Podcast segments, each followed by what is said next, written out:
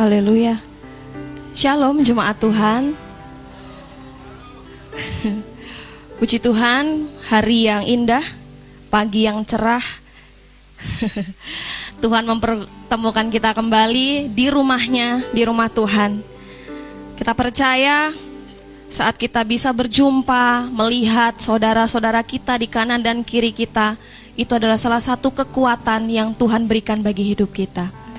Coba sebelum kita datang kepada Tuhan, tengok kanan kirimu, ucapkan selamat datang, beri kekuatan buat mereka, biar ada semangat baru untuk kita datang kepada Tuhan. Seperti firman Tuhan dalam Mazmur 26 ayat 8, ini adalah kerinduan kita. Tuhan, aku cinta pada rumah kediamanmu dan pada tempat kemuliaanmu bersemayam. Dan kita percaya hari ini Tuhan Yesus hadir. Tuhan Yesus ada di hati saudara. Engkau yang di rumah, Tuhan Yesus ada di hatimu. Mari rindukan sama-sama kami merindukan kehadiranmu. Kami merindukan kediaman rumahmu ya Bapa, yaitu di dalam hadiratmu. Dan kami mau bersama-sama berkata, karena kemurahan Tuhan, karena kebaikan Tuhan melampaui hidup kami, memenuhi hati kami hari ini. Dan kami mau berkata, hanya Yesus yang layak kami sembah. Terima kasih Bapak, terima kasih. Kami umatmu datang kepadamu Tuhan. Membawa pujian kami. Kami mau naikkan bersama-sama Kemuliaanmu Tuhan. Penuhi hatiku Terima kasih Yesus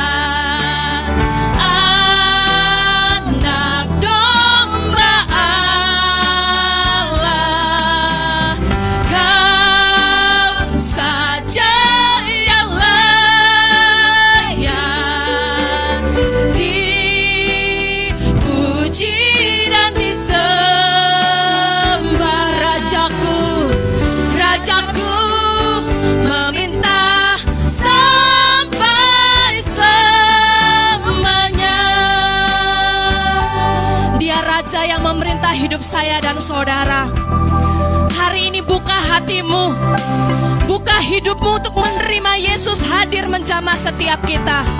Nyatakan bersama-sama, kemurahanmu memenuhi hati kami, kemuliaanmu memenuhi hidup kami Tuhan. Saya undang semua untuk bangkit berdiri, nyatakan pujianmu, kemurahanmu Tuhan. Kemurahan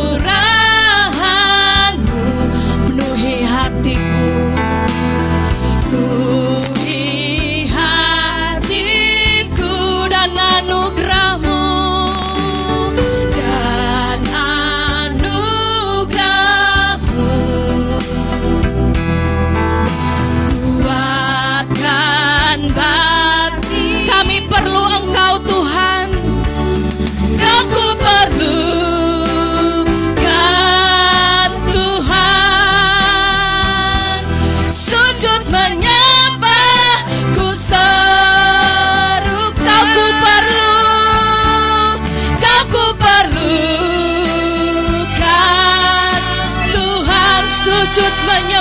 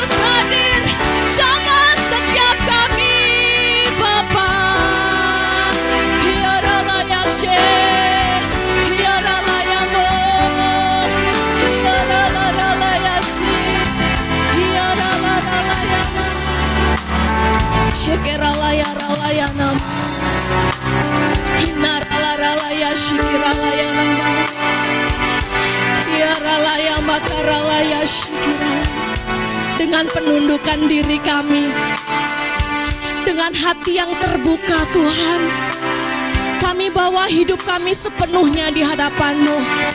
Hari ini Tuhan, kami mau menanggalkan setiap ego kami. Kami mau menanggalkan setiap keluh kesah kami. Karena kami percaya saat kami hadir, Tuhan Yesus yang akan memberikan kelegaan bagi setiap hidup kami. Yesus yang layak, hanya Yesus yang layak kami sembah Tuhan. Dialah kemurahan-Mu, kebaikan-Mu, melampaui segala akal pikiran kami Tuhan. Dan hari ini Tuhan, saat kami hadir bersorak-sorai, kami percaya surga pun bersorak-sorai Tuhan. Kami percaya roh kudusmu yang akan menuntun setiap umatmu hari ini. Setiap mulut kami akan memberikan puji-pujian yang terbaik. Setiap gerakan tangan kami, kami akan persembahkan yang terbaik buat engkau Allah kami yang hidup. Terima kasih Yesus, terima kasih. Engkau hadir, kami bersuka cita. Engkau hadir, kami bersuka cita hari ini. Di dalam nama Yesus, kami buka ibadah kami hari ini dengan sukacita. Haleluya. Amin. Amin. Amin.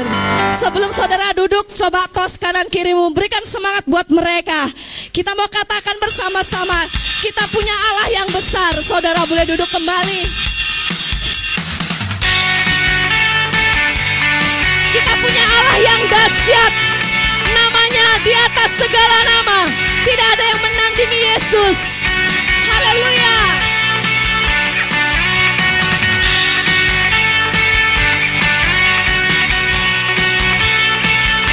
Sama-sama katakan.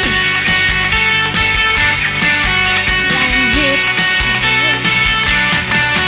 Langit adalah tahtamu Tuhan dalam kemuliaan bumi tumpuan kakimu sungguh mengagumkan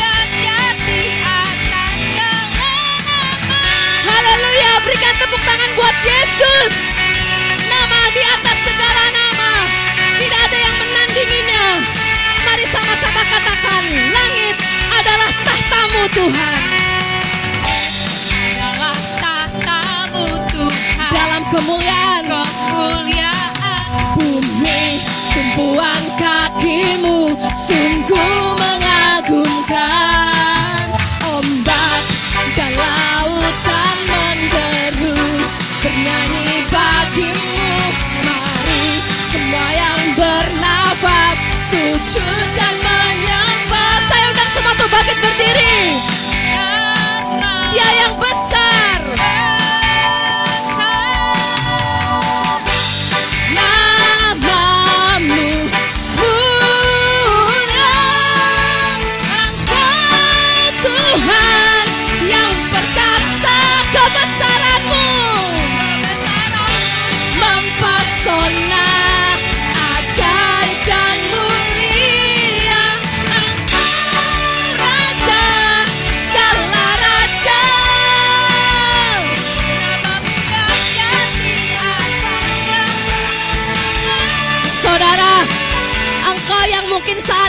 di rumah sakit atau sedang di rumah mengalami kesakitan, percayalah Yesus dahsyat. Dia yang sanggup menyembuhkan, Dia yang sanggup menyediakan, Dia yang sanggup menyediakan segala kebutuhan kebutuhan kita. Percaya Yesus nama di atas segala nama. Angkat tinggi tanganmu, serukan namamu besar, namamu mulia.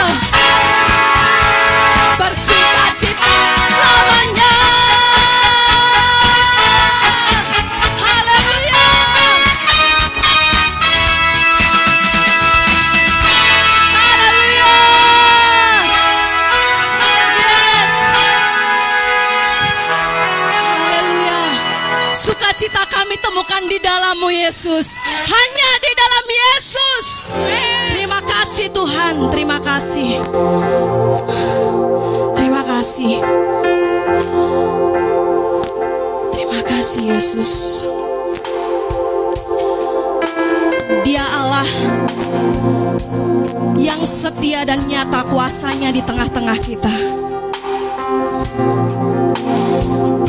Mari hidup percaya sepenuhnya karena Yesus. Dia Allah yang besar.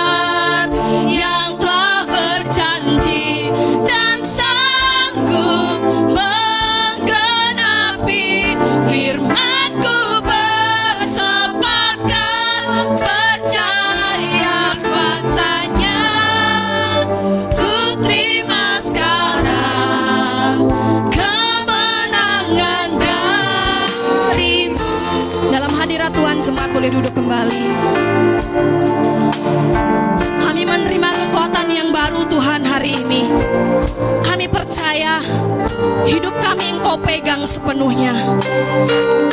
Engkau Allah yang besar. Engkau Allah yang memberikan janji yang terbaik dalam hidup kami.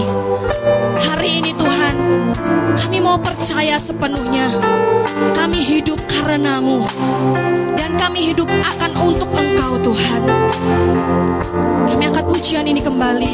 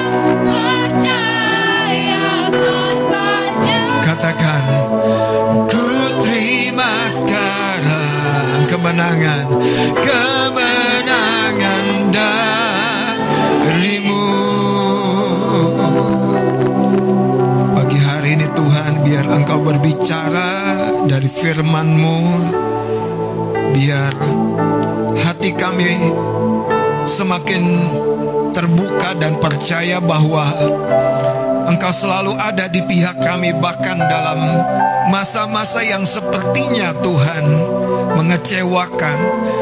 Pada waktu-waktu yang rasanya begitu menguras tenaga pikiran perasaan kami Engkau selalu ada di pihak kami. Karena Engkau sendiri yang telah memikul salib itu buat kami. Engkau tahu bagaimana Waktu-waktu ketika darahmu bertetesan jatuh di sepanjang jalan itu Engkau mengerti ketika cambukan itu Satu demi satu merobek punggungmu Engkau tahu Tuhan. Engkau memberikan semuanya supaya kami dapat bertahan Supaya kami mengalami Tuhan janji Yang memang engkau telah sediakan. Itu sebabnya ya Allah kami percaya Hidup kami sedang kau ubahkan dari kemuliaan kepada kemuliaan. Hidup kami kau terus bentuk dan jadikan menggenapi rencanamu. Kami berdoa buka telinga rohani kami lebih tajam lagi menyimak, mendengar. Sampai hidup kami akan terus kau ubahkan, kau ubahkan, kau ubahkan. Terima kasih Tuhan. Terima kasih. Roh Kudus, Engkau yang mampu mengurapi semua kami melumas telinga rohani untuk mendengar dengan baik. Membuka hati dan pengertian kami sampai kami Tuhan sungguh-sungguh puas dan diberkati oleh Engkau. Di dalam nama Tuhan Yesus Kristus sama-sama kita katakan amin, amin. Beri tepuk tangan bagi Tuhan Yesus. Haleluya. Puji Tuhan. Silakan duduk kekasih-kekasih Tuhan. Saudara kita percaya bahwa minggu-minggu ini Tuhan sedang mengerjakan sesuatu yang menurut saya luar biasa. Karena dia sedang mengerjakan sesuatu yang lebih penting dan utama di dalam hati kita, di dalam kehidupan kita. Tuhan sedang mengajar kita bagaimana hidup dalam sebuah sikap hati yang terus mengalami pertobatan. Saudara, kata pertobatan ini harus menjadi sebuah kata dan satu pesan yang betul-betul mendarat di kehidupan kita anak-anak Tuhan. Karena inilah sentral bagaimana Yesus sendiri telah naik di kayu salib supaya barang siapa yang percaya kepadanya tidak binasa.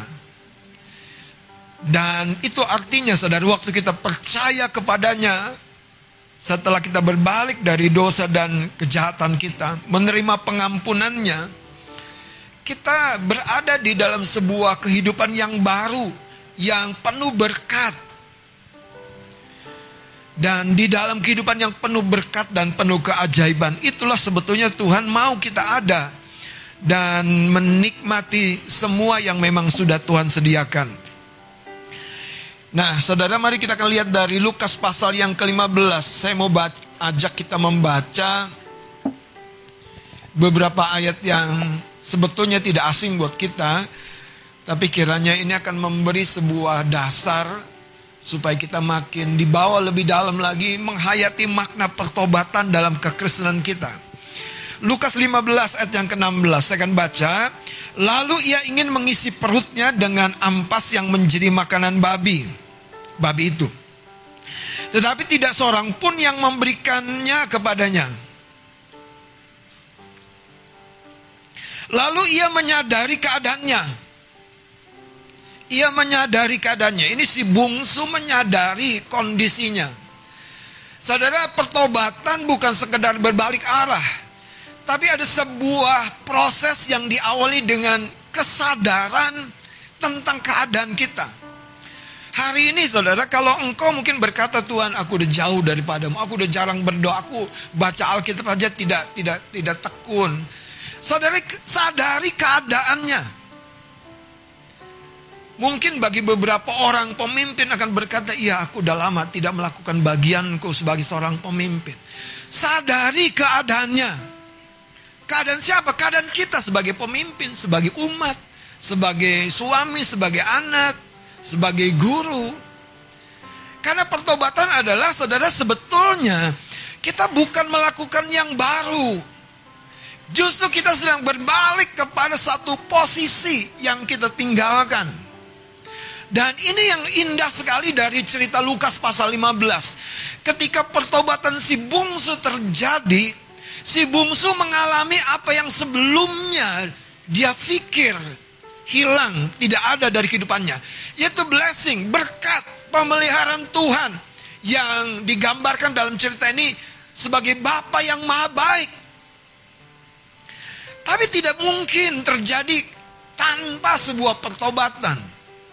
Dan tidak mungkin pertobatan terjadi tanpa sebuah keinsafan, sebuah kesadaran. Kalau Anda belum akhir bulan, tiba-tiba udah defisit keuangan Anda. Apa yang muncul pertama di pikiran? Ya ampun gaji gua kecil banget. Apa yang pertama muncul? Peleter. Haleluya. Coba ini beneran saudara. Benar. Kalau Anda gitu ya, sekali lagi saudara, sekali lagi. Harusnya dari pagi sampai sore kita betul-betul berperan aktif. Tapi kita baru tengah hari sudah sudah lemah, sudah kehilangan kekuatan. Apa yang kita sadari? Kerjaan kita banyak atau kita kurang makan, kita kurang istirahat malamnya. Nah, pertobatan itu harusnya menginsafi apa yang tidak kita lakukan, yang seharusnya kita lakukan. Kalau pelajar-pelajar dapat nilai, bahasa paling gampangnya jeblok. apa yang kita insafi, kita sadari, ah gurunya pelit nilainya. Gimana? Gimana kakak-kakak SM? Gurunya pelit memberi. Nah itu itu bukan pertobatan. Kita cuma cari kambing hitam. Padahal saudara, dari semua kondisi yang tidak baik itu, Tuhan punya sebuah pesan. Berbaliklah anakku. Mari kita lanjutkan saudara. Ayat 17. Lalu ia menyadari keadaannya. Katakan menyadari keadaannya. Domba saudara tidak pernah cari rumput sendirian. Dan domba tidak pernah keliaran sendirian dari keluar dari kawanan. Biasanya kalau saya ngomong gini mulai bergaung di hati masing-masing. Ya nih aku sering sendirian nih. Cari rumput sendirian. Saudara domba tinggal dalam kawanan. Saudara domba-dombanya Tuhan Yesus. Bergerak bersama sang gembala. Nah bayangkanlah saudara sekali lagi dengar. Kalau kita tidak memahami makna pertobatan, seolah-olah saudara, itu sesuatu yang aneh. Justru kalau Anda hidup di luar dari berkat Tuhan, hidup di luar dari pemeliharaan Tuhan, hidup di luar dari standarnya Tuhan, kita yang sedang aneh saudara. Karena kita sudah masuk dalam kerajaannya, tapi kok kita nggak ngalami pemeliharaannya. Ada sesuatu yang aneh. Kita sudah menjadi anaknya, tapi kok kita belum mengalami, saudara. Berkat-berkat menjadi anaknya. Di sini kita perlu mengalami pertobatan. Mari kita lanjutkan saudara. Si bungsu ini berkata katanya, betapa banyaknya orang upahan bapakku yang berlimpah-limpah makanannya, tetapi aku di sini mati kelaparan. Jadi kesusahan itu bagus. Mendatangkan apa? Perenungan. Mendatangkan keinsafan. Terus ayat 18-nya, aku akan bangkit dan pergi kepada Bapakku. Bukan cari kerja yang lain. Menarik ya? Kok dia langsung tahu ya? Masalahku adalah aku meninggalkan rumah Bapakku. Masalahku adalah aku menjauhi lingkungan yang justru sebetulnya sudah disetting oleh Bapakku untuk aku. Jadi kalau Anda kembali bertobat, Anda sebetulnya kembali ke lingkungan di mana Allah dapat memerintahkan senantiasa malaikatnya untuk berada di jalan kita, menopang kita, membela kita, membuka pintu yang tidak terbukakan oleh tangan kita. Kalau kita kembali bertobat, saudara sebetulnya sekali lagi, dia yang selalu berkata, sampai masa tuamu aku tetap dia, aku akan menggendong kamu.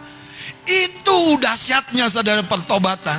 Kita kembali kepada siapa diri kita dalam kelimpahan yang memang telah kita terima dalam status kita sebagai anaknya. Masalahnya kenapa kita sudah keluar dari lingkungan itu? Karena memang kita masih ada di dunia dengan segala pencobannya, dengan segala godaannya. Kira-kira kenapa si bungsu keluar dari rumah bapaknya? Tentu dia membayangkan sebuah kehidupan yang lain. Makanya setelah dia dapat, dia minta warisan harta dari bapaknya dia dapat, dia jual dan dia pergi keluar. Sayangnya semua kebaikan yang dunia tawarkan adalah semu. Semua kenikmatan yang daging kita coba peroleh adalah semu. Dan ujungnya justru kita hanya menikmati maut. Tapi kalau kita berbalik kepada Tuhan, instrumen yang sebelumnya itu error yaitu hati kita. Itu kembali dapat merasakan tuntunan Tuhan secara otomatis. Karena kita anaknya, kita dombanya. Domba mendengar suara gembalanya. Gembala mengenal suara uh, suara dombanya dan kehidupan dombanya. Kita langsung ada di dalam pemeliharannya. Itu sebabnya saudara.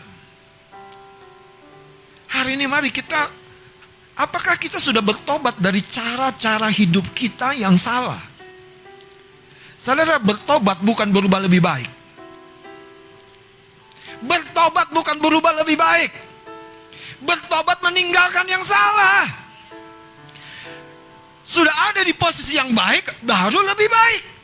Ini sebabnya kita tidak pernah bisa lebih baik tanpa startingnya bertobat. Anda nih mau mem, apa memulihkan kesehatan Anda, kita harus bertobat dari apa yang salah. Baru meningkatkan, baru memperbaiki. Tanpa pertobatan, gereja akan menjadi tempat di mana tidak ada kasih Allah bergelora dalam hati kita dalam ibadah kita. Gereja akan menjadi menjadi ibadah yang yang yang jenuh, yang semu. Orang-orang hadir hanya sebagai seperti orang Farisi yang datang di bait Allah itu berdoa. Tapi kalau gereja datang ada orang-orang yang bertobat spontanitasnya tinggi sekali untuk mempersembahkan yang terbaik untuk Tuhan. Bukan untuk pamer.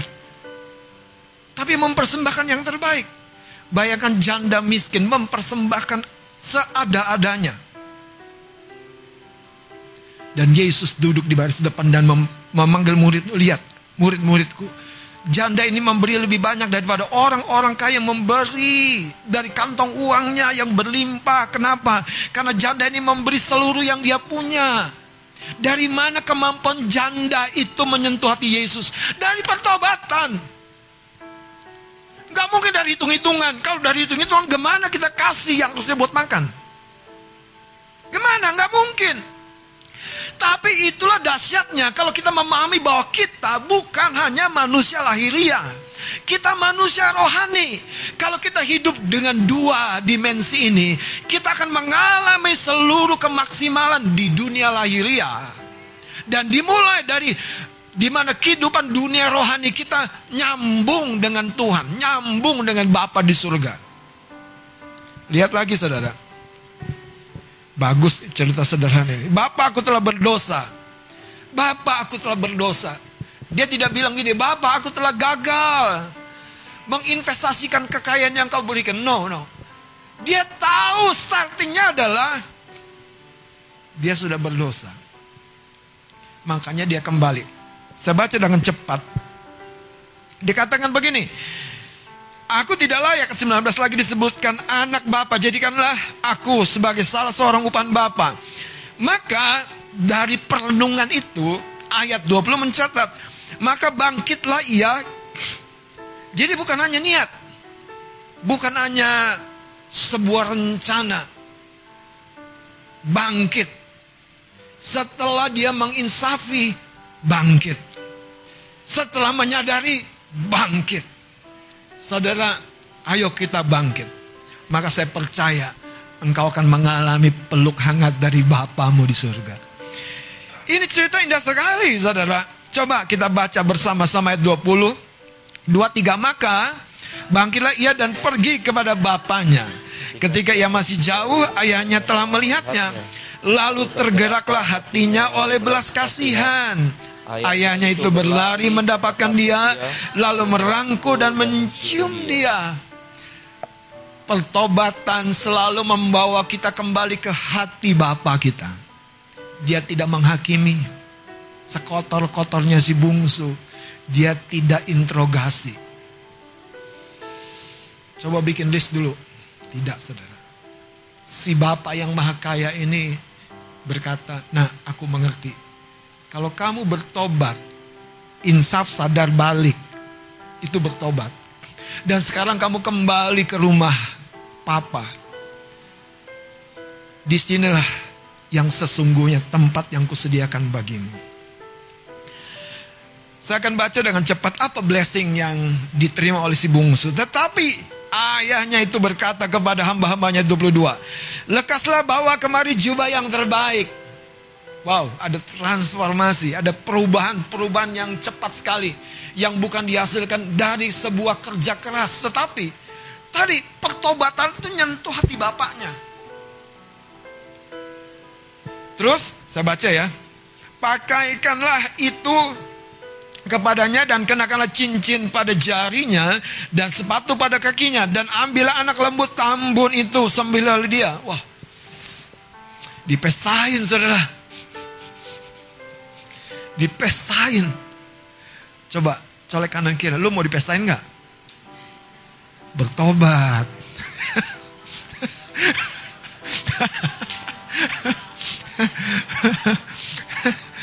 mau dipestain nggak? bertobat.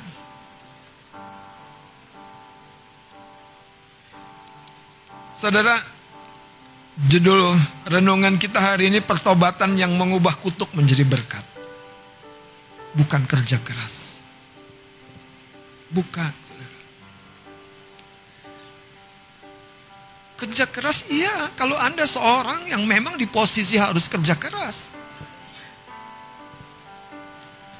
Sekeras-kerasnya penyanyi gimana? Mempersiapkan pita suaranya. Melatih vokalnya dengan baik. Ya itu bekerja keras. Saudara, tapi pertobatanlah yang membuat semua berkat yang memang sudah tersedia itu kembali dialami. Rindukah Bapak Ibu Saudara mengalami apa yang memang sudah Tuhan sediakan buat kita.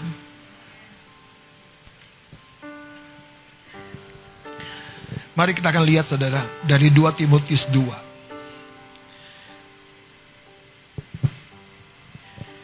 Ada berkat-berkat lain dari dua berkat yang kemarin yang sudah saya sampaikan di mana belas kasihan Allah akan dinyatakan.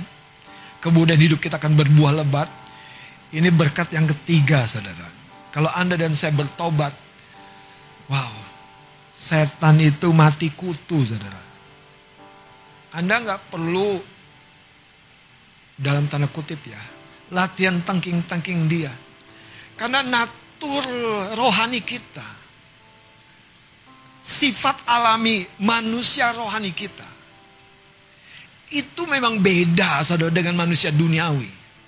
Waktu kita bertobat dan kembali menjadi anak Allah yang murni. Ekspresi kita itu saudara menarik surga. Masalahnya banyak anak Tuhan tuh nggak sungguh-sungguh kembali kepada Tuhan, nggak sungguh-sungguh. Ya hari Minggu aku kembali dong sama Tuhan, hari Senin aku sibuk dulu sama kerjaan. Ya lupa-lupa dikit doa nggak apa-apa kan? Lupa-lupa dikit, ya kan? Satu dua. Janganlah saudara. Haleluya, lihat 2 Timotius pasal yang kedua ayat 25 dan 26. Tolong Mas Adit, boleh baca. 2 Timotius 2 ayat 25 dan 26. Ya. Dan dengan lemah lembut dapat menuntun orang yang suka melawan. Ini kan pesan Rasul Paulus kepada Timotius, sang gembala yang masih muda. Dia bilang gini, kamu jangan bersetegang urat. Kalau ada pembantah-pembantah di jemaat. Bahkan kalau ada pengajar-pengajar sesat di jemaat. Tetap kalem, kalem baik. jangan bertengkar. Makanya dibilang gini, dengan lemah lembut. Waduh, kalau si Timotius ini orang Batak gimana kira-kira? Kita kasih pasal ini pengajar sesat. Kamu siapa berani-berani di sini? Tapi Paulus adalah justru luar biasa. Lanjutkan. Sebab mungkin Tuhan memberikan kesempatan kepada mereka untuk bertobat Hmm. dan memimpin mereka sehingga mereka mengenal kebenaran. Jadi saudara ini menarik. Sekalipun kalau anda baca perikopnya ya. 2 Timotius 2 ini. Itu ada pengajar-pengajar sesat yang mempengaruhi jemaat. Tapi Paulus justru bilang sama Timotius, kamu nggak boleh bertengkar, bersilat lidah aja jangan. Kamu harus lemah lembut supaya dapat menuntun. Menuntun yang manut enak. Ini menuntun yang suka melawan, saudara. Jadi menuntun yang punya pendiriannya sendiri. Gimana para pemimpin kelompok kecil? Enak? Enak bang. Menuntun orang yang suka punya agendanya sendiri enak? Ya emang itu enaknya, itu seninya. Itu sebabnya Tuhan pilihanlah. Haleluya.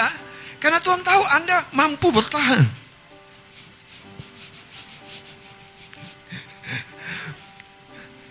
Coba bayangkan saudara dikatakan dengan lemah lembut dapat menuntun orang yang Suka melawan. Gimana kalau anak di rumah tangga kita suka melawan? Jangan menyerah Bapak Ibu.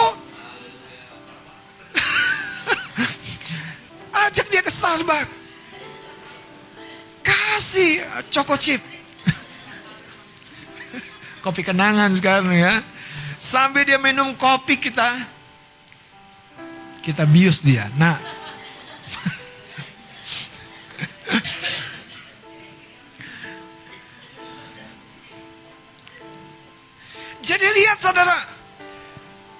tujuan dari semua yang Rasul Paulus pesankan kepada Timotius, Timotius gini loh, cara melayani orang yang suka melayan, suka melawan tuh gini, gini, gini.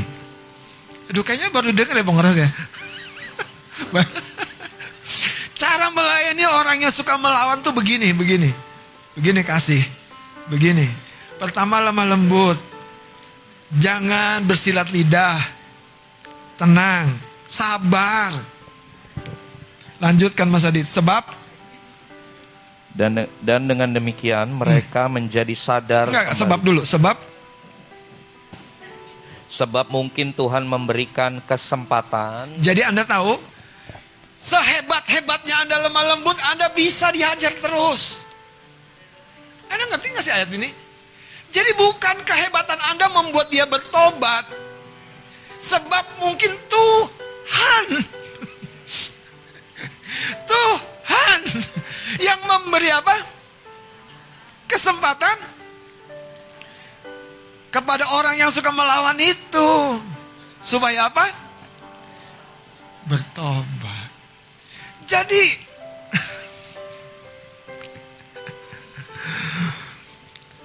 kita mendiat-diatan nih sama ibu gembala.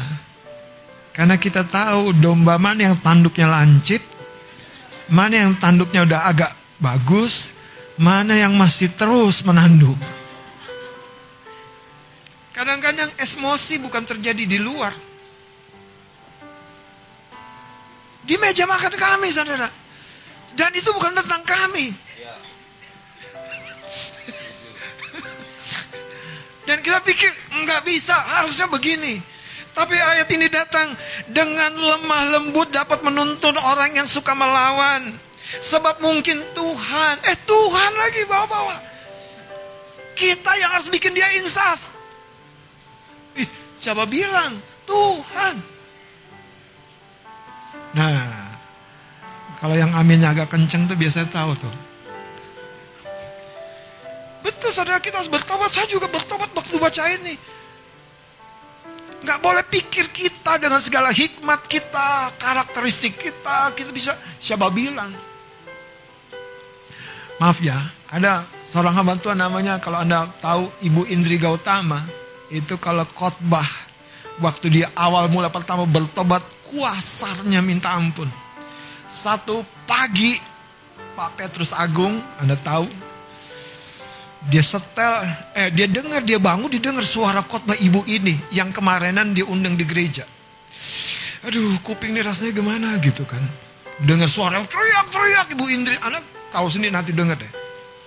Kenceng sekali, bahkan kasar sekali. Eh ditanya, dia pikir anaknya yang nyetel khotbah, ibu pendeta yang suara yang kencang, kasar, bentak, Dulu, bukan sekarang. Sekarang udah berubah. Sekarang udah sangat beda. Dan waktu kedengar itu dia pikir siapa? Ternyata yang nyetel siapa? Pembantu hamba Tuhan Pak Gembala Petrus Agung ini. Dia pikir kok justru malah ada yang suka suara yang kencang-kencang. Dan sekian waktu pembantu itu terima Yesus, percaya Yesus, bertobat dan lahir baru. Kenapa? Karena suara yang Siapa bilang? Karena Tuhan. Nanti kalau ada seorang pendeta itu tuh, oh gembalaku tuh lemah lembut sekali makanya aku bertobat. Yang bikin anda bertobat itu Tuhan. Yang bikin bertobat tuh ibu gembala suara yang kenceng, sadis kalau khotbah. Makanya aku nggak tahan, pasti bertobat kalau ibu gembala khotbah. Siapa bilang saudara?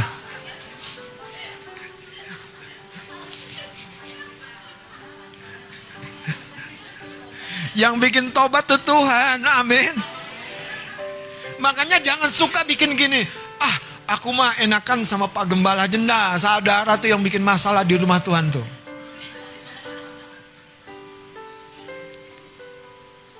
Yang bikin kita bertobat itu Tuhan.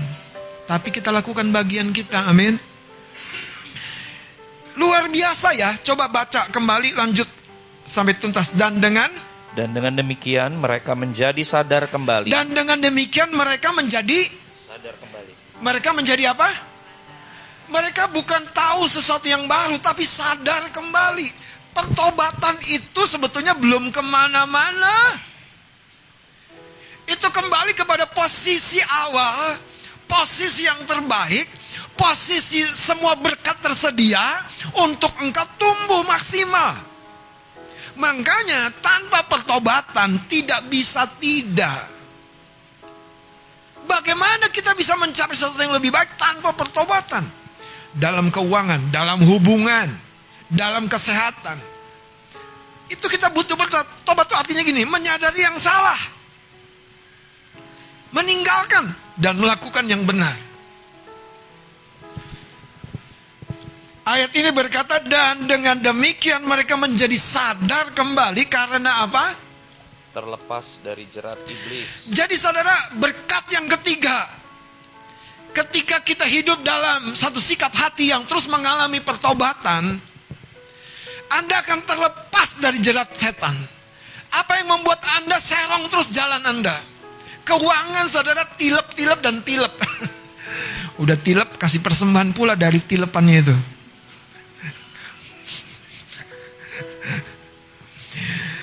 Kadang-kadang begini saudara, ini saya ngomong ya yang yang real di rumah Tuhan. Banyak kita mengasumsikan bahwa Tuhan itu senang. Tuhan tuh berkenan. Tuhan tidak lebih senang, Tuhan tidak lebih berkenan sebatas engkau melakukan semua yang baik dalam pelayanan, dalam ibadah dimulai dengan pertobatan. Ingat yang saya kutip kemarin Matius minggu lalu Matius pasal 5.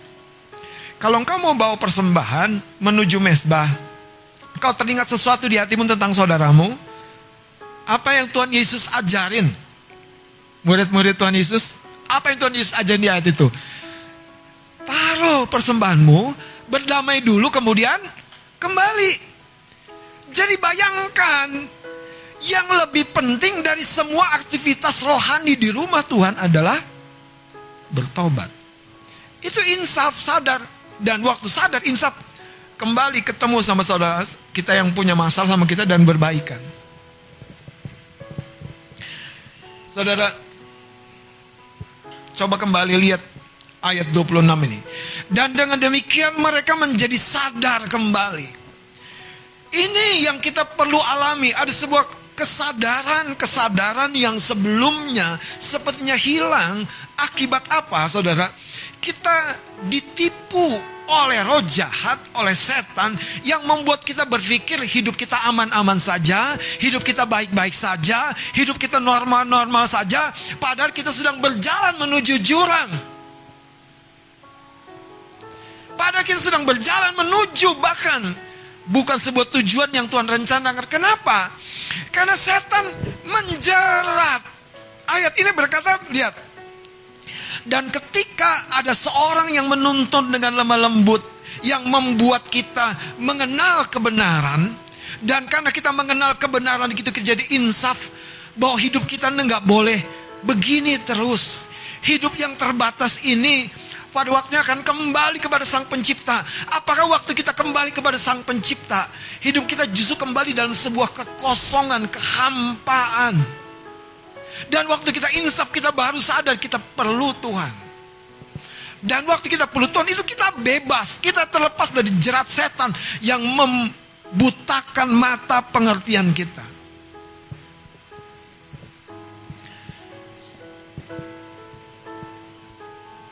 Ada beberapa orang sakit itu bukan karena kuman, karena virus. Ada beberapa orang kalau ditelusuri sakitnya itu Simpel ya saudara. Karena dia makan terlalu enak. Percaya nggak? Siapa yang mau jujur bilang itu aku om? Itu aku Pak Pendeta. Makan itu terlalu enak.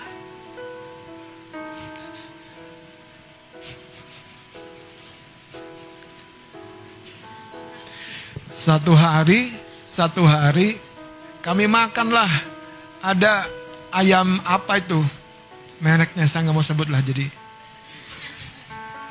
Yang sambalnya diulek campur campur apa namanya kacang mete.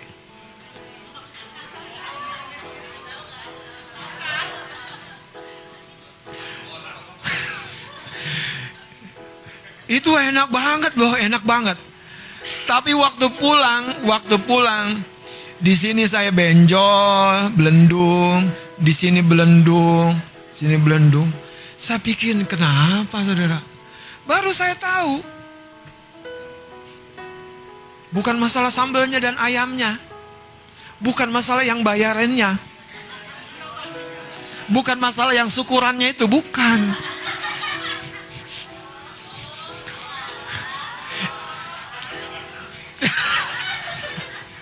Yang masalah itu saya nyambelnya itu terlalu nikmat, saudara.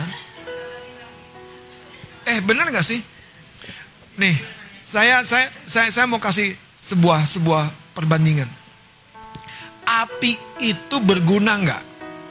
Berguna. Tapi jangan main-main dengan.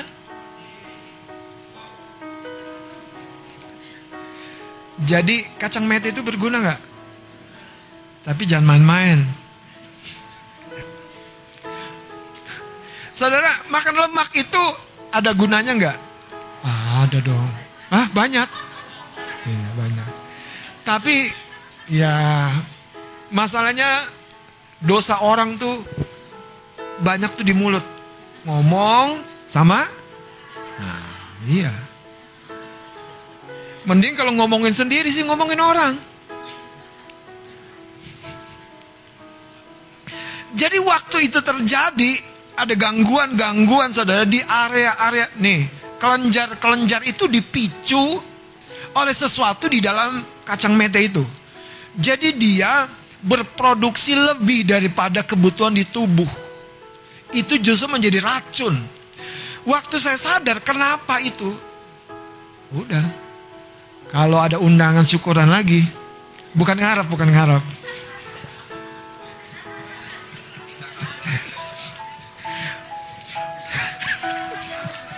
Saya pastikan kacangnya itu sambalnya itu tidak saya makan.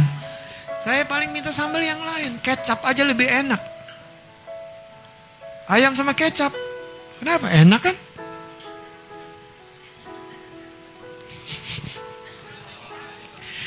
Jadi saudara, coba baca ayat ini. Baca ayat ini. Kalau ada masih hari ini, ada ngelawan, aku nggak apa-apa bang, makan banyak. Nah itu anda tuh jenis yang ini nih. Butuh orang yang lemah lembut. Menuntun. Supaya anda bertobat.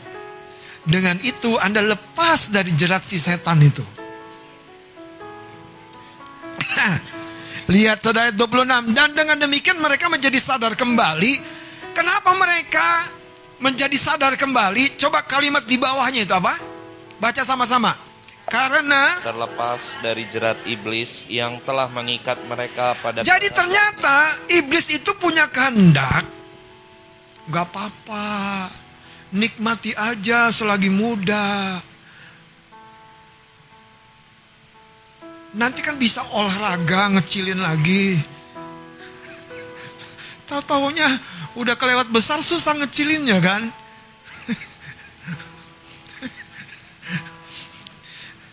Nggak apa-apa. Ketika keuangan defisit, larinya apa? Pinjol, habislah kau.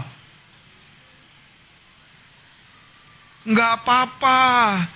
Saudara, ngitung, ngitung. Berkat Tuhan dalam hidupmu satu juta atau satu bulan cukup nggak? Cukup. Tinggal di rumah mertua cukup.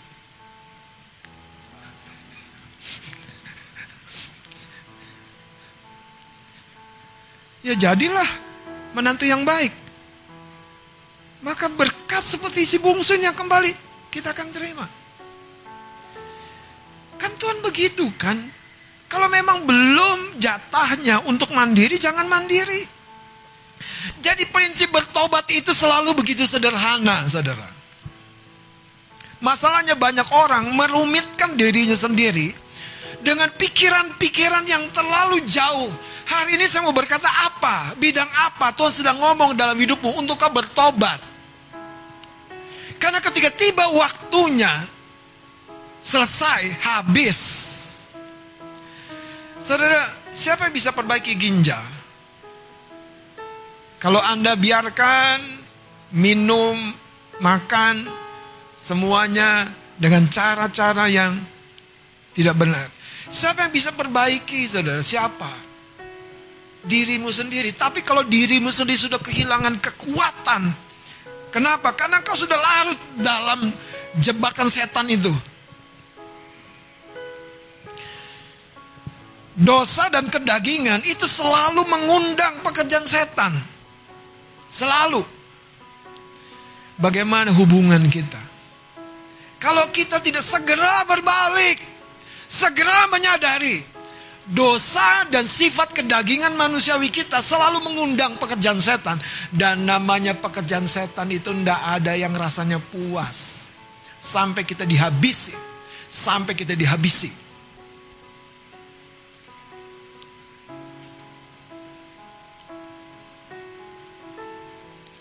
Tuhan mau memulihkan kita. Itu sebabnya mari kita lihat saudara. Ada sebuah janji yang menarik sekali Tuhan sampaikan dalam Yeskiel pasal yang ke-11 ayat 19 dan 20. Tolong Mas Adit boleh baca. Yehezkiel 11 Ya, ayat yang 19 Dan sampai 20. Aku akan memberikan mereka hati yang lain dan roh yang baru di dalam batin mereka. ya. Juga aku akan menjauhkan dari tubuh mereka hati yang keras dan memberikan mereka hati yang taat Wow, terus? supaya mereka hidup menurut segala ketetapanku. Jadi ternyata saudara, untuk kita bisa hidup dengan segala ketetapan Tuhan yang membuat hidup kita bahagia, yang membuat hidup kita limpah, yang membuat hidup kita menggenapi janji dan rencananya, itu kita butuh hati yang baru. Bukan hanya pengetahuan firman. Pengetahuan firman bisa banyak seperti orang Farisi. Tapi ketemu wanita yang ketangkap basah berzina. Pikiran mereka langsung apa? Lempari dengan batu, lempari dengan batu, lempari dengan batu. Dan mereka menyeret wanita ini ke depan Yesus. Dan mereka bilang, Guru, menurut hukum Musa, wanita seperti ini kita harus lempari dengan batu. Tapi Yesus justru berkata apa? Yang tidak berdosa, silakan yang lebih duluan lempari dengan batu. Satu-satu dari yang paling tua meninggalkan tempat itu. Hati kita, saudara, butuh berbalik kepada Tuhan. Supaya kita tahu siapa kita, siapa orang yang lain di sekeliling kita, bahkan yang sudah berdosa pun. Kita akan mudah berbelas kasihan. Kita tidak mudah menghakimi, menjudge. Justru ketika hati kita juga bertobat, kita jadi saluran Tuhan. Untuk Tuhan menyatakan kasih dan pemulihan. Lanjut lihat ayat ini sudah dikatakan, supaya mereka Hidup menurut segala ketetapanku. jadi hati yang baru itu permulaannya. Katakan amin. Amin. Saudara, itu sebabnya sekian tahun pun kita ke gereja. Kalau kita tidak mengambil sebuah keputusan, aku mau meninggalkan hidup yang lama. Aku mau meninggalkan hidup yang salah. Aku mau meninggalkan cara-cara hidupku mengelola keuangan yang salah. Cara-cara hidupku mengelola tubuhku yang salah. Kalau kita tidak mengambil keputusan seperti itu, kita tetap akan berakhir di jalan yang berbeda dari rencana Tuhan. Kenapa? Karena kita tetap berjalan dalam jerat setan tadi. Sekarang buka satu Yohanes pasal yang kedua.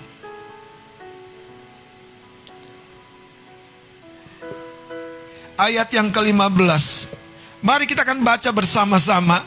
1 Yohanes pasal 2 ayat 15 sampai 17 kita baca 2 3. Janganlah kamu mengasihi dunia dan apa yang ada di dalamnya. Jikalau orang mengasihi dunia maka kasih akan Bapa tidak ada di dalam orang. jadi selalu ada dua kubu. Waktu kasih, bukan pengetahuan saudara. Kasih, hati, cinta kita. Tidak tertuju kepada Tuhan, sebaliknya tertuju kepada dunia, maka kasih kita kepada Bapa akan makin merosot, makin kering, makin hilang. Ayat, ayat 16, 17 kita baca lagi. Sebab Semua yang ada di dalam dunia, yaitu keinginan daging dan keinginan mata, serta keangkuhan hidup, bukanlah berasal dari Bapa, melainkan dari dunia. dan dunia, Dan ini sedang lenyap lenyap dengan keinginannya, tetapi orang yang melakukan kehendak Allah tetap hidup selama-lamanya. Ada beberapa orang mungkin berkata begini, Om, masa iya sih setiap hal itu adalah pengaruh roh jahat? Saudara, mari kita dengan cepat kembali kepada ayat eh, ayat yang akan menolong kita memahami. Kita lihat saudara dari Efesus pasal yang kedua.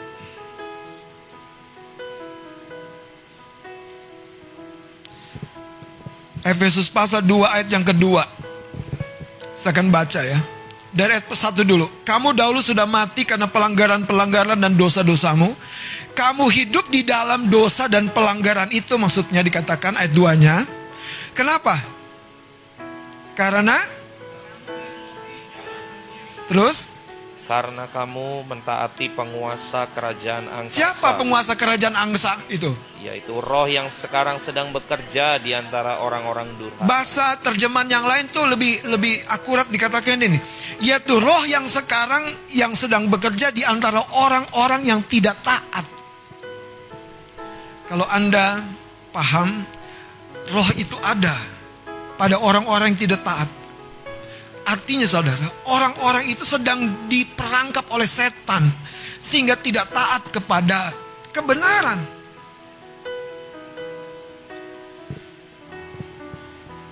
Bahkan yang menarik lihat ayat 3 saya baca lagi dengan cepat.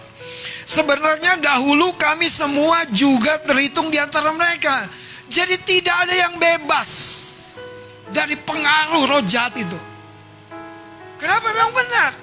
Manusia ketika jatuh dalam dosa, dosa di dalam pribadi manusia jadi seperti ruang kokpit buat seorang duduk di dalamnya dan mengendalikan hidupnya. Yang harusnya ke selatan dibelokkan ke utara. Yang harusnya menuju kebaikan dibelokkan menuju keburukan. Yang harusnya terus berjalan dalam ketaatan diberikan suatu rasa apa? Gak mungkin, gak mampu, gak sanggup. Itu yang terjadi dengan Lot. Ketika Tuhan mau membinasakan Sodom dan Gomora, Lot dibilang naik ke tempat yang tinggi. Lot bilang begini, gak mungkin aku terhindar.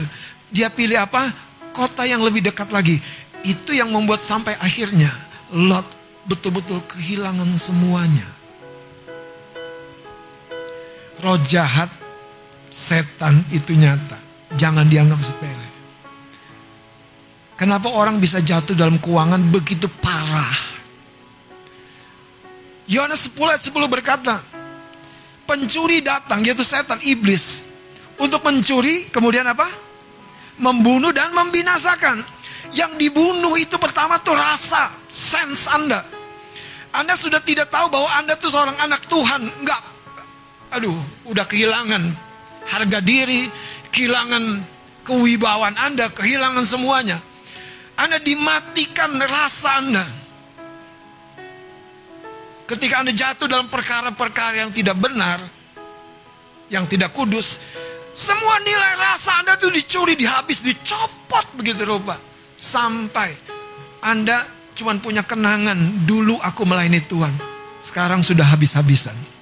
Kenapa? Karena setan mencuri, membunuh, dan terakhir membinasakan.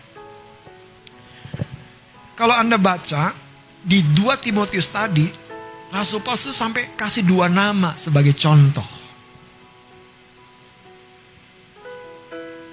Dua contoh. Dan itu penting kita perhatikan.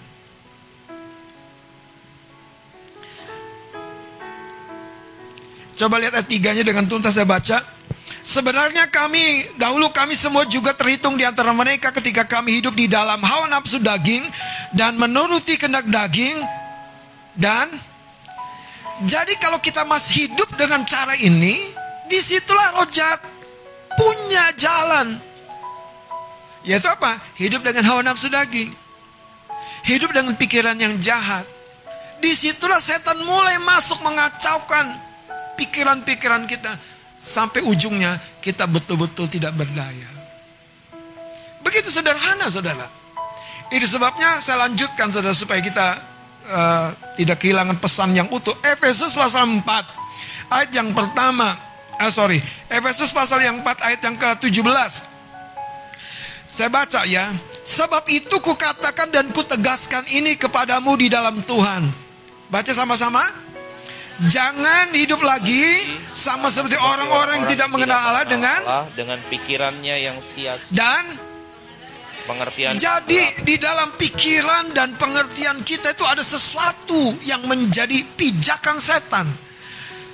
Kalau Anda melihat sesuatu, yang pertama muncul asumsi, ah dia nggak begitu kok, atau Anda mencari kebenarannya. Biasanya setan itu salah satu tipuan yang sering adalah kita dibiarkan hidup dalam asumsi. Itu sebabnya orang yang sedang ditipu setan selalu hidup dengan asumsi, asumsi. Tuhan nanti baik, Tuhan nanti mengampuni, asumsi. Padahal waktu, waktu masalahnya. Tuhan tetap pengampun, tapi waktu, waktu akan tiba sampai kepada kesudahannya. Dan kita kehabisan waktu. Lihat saudara ayat 18 dikatakan dan pengertian yang gelap jauh dari hidup persekutuan dengan Allah karena Terus ayat 19-nya. Karena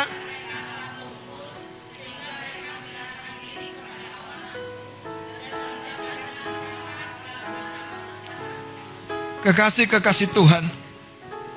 Kalau Anda ingin hidupmu lebih baik dan benar, makin berkenan kepada Tuhan, mulai dengan pertobatan. Temukan sesuatu yang salah, temukan sesuatu yang tidak kau lakukan dengan benar. Bertobatlah. Mengelola keuangan kah, mengelola waktu kah, mengelola kesehatan kah, mengelola prioritas kah. Bertobatlah saudara. Minta ampun sama Tuhan. Dan ketika kita bertobat, jelas Lukas 15, kita kembali ke hatinya Tuhan, ke hatinya Bapa. Dia memeluk kita bukan ketika kita sudah mandi bersih. Saya berdoa saudara hari ini. Kita akan dibawa kepada sebuah kesadaran yang baru. Bahwa betul-betul tanpa pertobatan, kekristenan kita akan menjadi seperti yang Alkitab catat. Orang-orang Farisi yang cenderung hidup dalam sebuah kehidupan yang dengan topeng. Topeng agama. Mereka bisa berdoa loh saudara. Mereka membayar perpuluhan loh. Mereka berpuasa saudara. Kalau baca Lukas 15. Begitu loh Pak. Tapi sayangnya. Mereka tidak melakukan apa yang Tuhan inginkan. Yaitu menunjukkan kasih. Makanya waktu dia lihat pemungut cukai datang ke bait Allah langsung dihakimi. Aku tidak seperti mereka. Hari ini bukan kita yang memulihkan diri kita tapi Tuhan. Waktu kita bertobat, sadar, insaf, berbalik, ambil keputusan. Kita beri hidup kita, langkah kita, tangan kita kepada Tuhan. Tuhan yang memampukan kita bertobat. Dan hidup di dalam setiap rencananya. Kenapa? Karena hati kita lembut. Kata kitab Yesial pasal 11 tadi. Lembut. Lembut. Mari kita bangkit berdiri. Kau tunjukkan kasih setia. Kau tunjukkan kasih setiamu. Kau menyediakan yang ku perlu.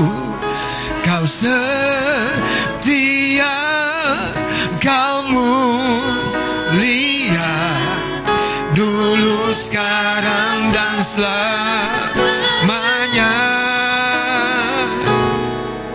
Kau tunjukkan kasih setiamu. Kau menyediakan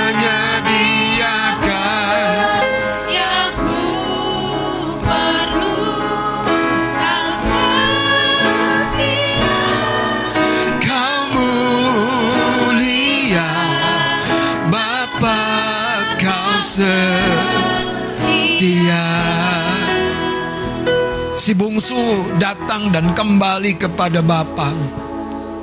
Masih jauh sang Bapa sudah melihat Betapa rindunya sang Bapa memeluk anaknya. Bapaknya tidak menunggu si bungsu sampai di pagar rumah. Tapi sang bapak justru berlari dan mendekap. Bahkan ketika si bungsu menyampaikan semua sesalnya. Si bapak mengerti. Yang pertama, Anda harus mengerti. Dia memberikan jubah betapa pentingnya jubah. Hari ini banyak anak-anak Tuhan jubahnya pun sudah begitu kotor. Jubah apa? Jubah kebenaran. Kita sering kali menjadi terdakwa, terluka karena kita meninggalkan sebuah lingkungan yang penuh dengan kebenaran yaitu rumah Bapa. Ketika si bungsu yang bertobat ini insaf, itulah momen yang paling dicatat oleh Yesus sendiri dalam cerita dan penjelasannya. Ada sebuah pesta. Kalau hidupmu belum mencapai sebuah kebaikan, periksa jangan-jangan ada sebuah kehidupan satu dua hal yang belum bertobat. Kita masih sering kali memegang pendirian kita sendiri. Tanpa kita sadari di situlah roh jahat bermain dengan ego kita. Tapi hari ini Tuhan sanggup memulihkan, memberkati kembali seluruh kehidupanmu. Apa yang hilang dia mampu kembalikan ketika kita bertobat, ketika kita berbalik. Saya bicara kepada beberapa orang murid, kalau hari Jumat, hari Sabtu, jangan hanya penuhi dengan sesuatu yang menyenangkan manusia lahiriahmu. Ambil perenungan, ambil doa, supaya dengar dengan seksama apa yang Roh Kudus sampaikan di hidup kita. Tuhan mau memberkati menuntun kita sampai sempurna rencananya terjadi dalam hidup kita. Mari katakan, Bapa, kau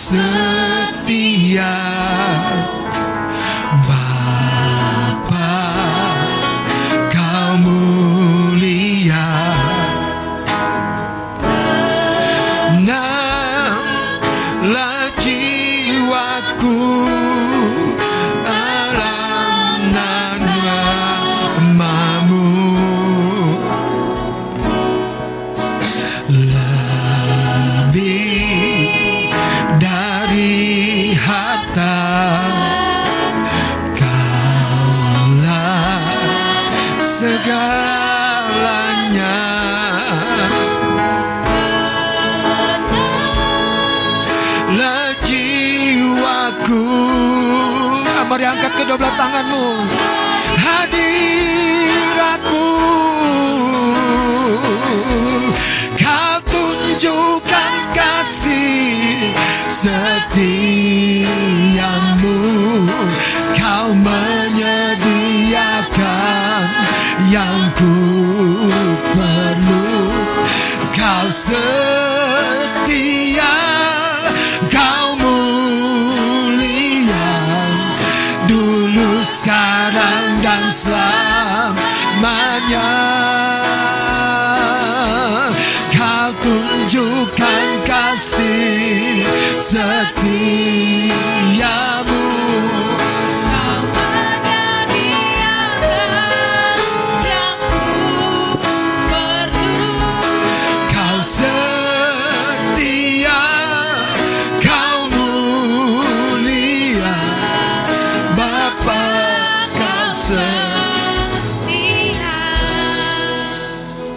Saudara Kesetiaan Tuhan tersedia buat kita. Maukah kita berbalik hari ini? Maukah kita bertobat dari jalan-jalan hidup kita yang gelap? Jalan-jalan hidup kita yang salah? Hubungan-hubungan kita yang error, cara pengelolaan hidup kita yang menurut daging kita, kemauan kita sendiri. Maukah kita bertobat? Dia akan menunjukkan kasih setianya.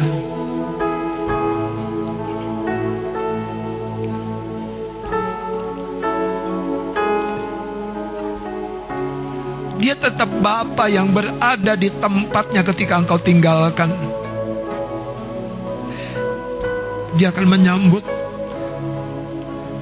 dan menolong kita berbenah. Tapi kembalilah dengan segenap hati. Kembalilah kepadanya dengan segenap hati. Bertobat artinya tinggalkan cara-cara hidup yang lama. Berbaliklah. Cari tuntunan Tuhan. Karena memang daging kita lemah. Cari pertolongan. Maka saya percaya hidupmu tidak pernah akan Tuhan biarkan. Maukah siapa pun kita di ruangan ini atau di rumah menerima hati yang baru itu, yaitu kemampuan untuk mengikuti seluruh jalan-jalan Tuhan. Tuhan akan memberikan hati yang lembut, hati yang taat. Engkau akan dimampukan Tuhan berjalan dalam tiap-tiap rencana Tuhan. Maukah? Kalau engkau berkata kepada Tuhan, aku mau Tuhan di tempatmu berada. Taruh kedua belah tanganmu di hatimu. Taruh kedua belah tanganmu di dadamu. Mungkin kau sekarang berpikir, nanti aku jatuh lagi ke mana Pak Pendeta? Saudara dengar. Itulah pentingnya kita melakukan pertobatan dengan segenap hati, segenap jiwa. Itulah sebabnya pemungut itu memukul dadanya. Karena dia menyesal telah menipu banyak orang. Dia menyesal telah menjadi seorang yang menyebabkan banyak orang lain rugi dan menguntungkan dirinya sendiri. Kalau engkau mau melakukannya dengan segenap hati, taruh kedua belah tanganmu di hatimu. Ikuti doa saya dengan lembut saja, Bapak. Hari ini aku datang kembali kepadamu. Aku sadar jalan-jalan hidupku yang salah. Sesungguhnya engkau melihat, selalu melihat. Tapi kau menanti supaya aku berbalik kepadamu. Hari ini aku berbalik. Tuhan tolong aku. Aku mau berubah. Aku mau hidup dalam seluruh rencanamu. Karena aku tahu di situ ada kemenangan. Aku akan mengalami kelepasan. Setan akan kehilangan kesempatan, kehilangan pijakan dari hidupku ketika aku kembali kepadamu. Hari ini Bapak, aku kembali kepadamu. Ampuni aku. Kalau Anda, seperti saya katakan, ada sesuatu tentang keuangan, tentang hubungan, tentang apa pun, tentang kesehatan, tentang pekerjaan. Bicara secara pribadi kepada Tuhan. Minta ampun. Ambil sebuah tekad yang baru. Dia tetap Bapa yang mau menerima dan memulihkan kita. Silakan satu dua menit ambil waktu berdoa.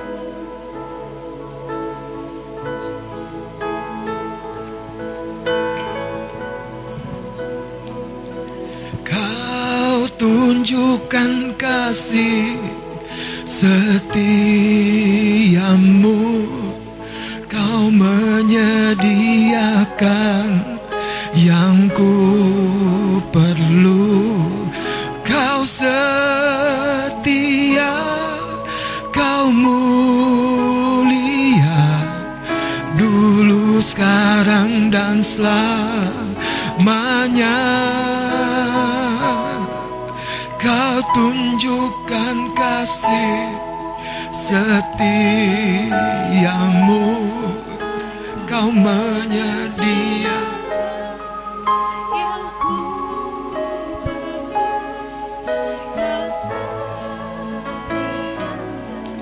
Kau mulia Bapa kau se Kitab Timotius tadi mencatat Sekalipun mungkin dahulu kita seorang yang suka memberontak Ketika firman itu menerangi hati kita Dan ada keinsafan, ada kesadaran. Dan kita mengambil sebuah keputusan untuk bertobat Berbalik dari jalan kita. Alkitab yang mencatat Kita terlepas dari jerat atau perangkap setan.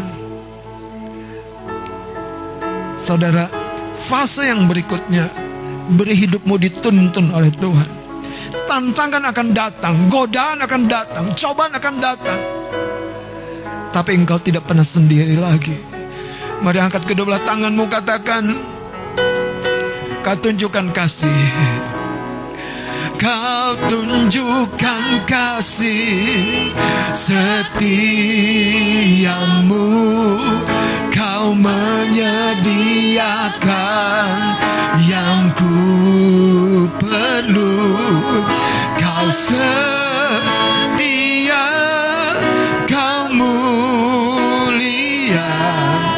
Dulu sekarang dan selamanya. Kau tunjukkan kasih setiamu. Kau menyediakan. Yang ku perlu. Kau setia. Kau mulia. Bapa kau setia. Katakan kau setia kau mulia. Kau setia. Kau mulia Bapa kau setia. Ayo sembah dia. Kau setia, kau setia. Bapa kau setia. Tiada meninggalkanku. Aku bersyukur Tuhan Kasih sayangmu besar Kemurahanmu limpah. Kau ubahkan hidup kami Dalam rencanamu. Oh. Kinamo sakara la badara la bayashik Kinama nara nama sande Kiara nabo Kiara la bayashik kare nama Ya nama nama nama kara nabo korobo she Iare nama sandina nama nara nama Haleluya Ini hidup kami Tuhan Jadikan baru Jadikan baru Jadikan baru Kirabaste karalabadai Maro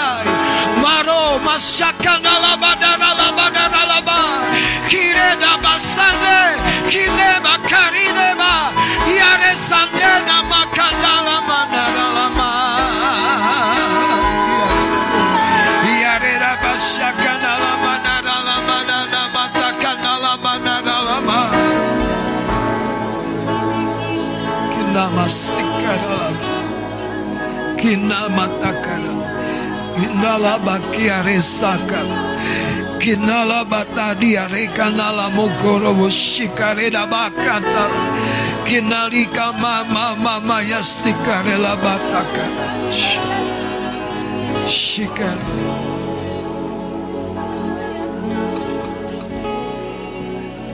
Sesungguhnya Tuhan mau berkata demikian. Aku tidak pernah membiarkan engkau. Aku tidak pernah membiarkan engkau dalam sebuah keadaan yang berlarut-larut begitu rupa dalam kesusahan dan penderitaanmu. Aku tidak pernah. Namun sering kali tanganku terhalangi untuk mengangkatmu karena engkau masih tinggal dalam sikap pendirian dan jalan-jalan hidupmu sendiri. Tuhan mau berkata, aku Bapamu yang mengenal kelemahan dan setiap kegagalan hidupmu. Tapi aku juga Bapa yang mau menerima dan menghapuskan aibmu itu.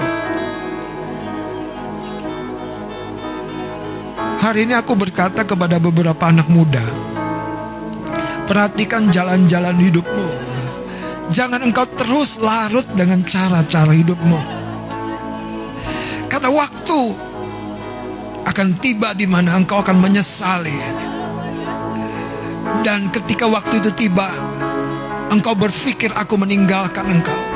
Sesungguhnya aku berkali-kali menyampaikan peringatan dan teguran, panggilan dan kasih sayangku.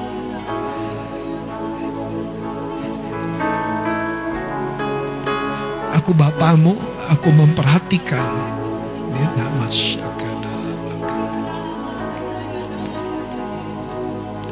Kila labuta. Perkataanku datang bagi Yeyen anakku yang aku kasih. Ketika kau menantikan campur tanganku dalam hidupmu. Sesungguhnya ketahuilah anakku, aku tidak jauh. Namun ada jalan-jalan dan waktu-waktu di mana aku ingin membuat engkau sungguh-sungguh berada dalam jalan-jalan yang kau rencanakan. Aku mempersiapkan engkau menjadi terang di tengah-tengah keluargaku. Akan tiba waktunya apa yang kau nantikan daripada aku justru datang bukan karena kekuatan dan kebisaanmu.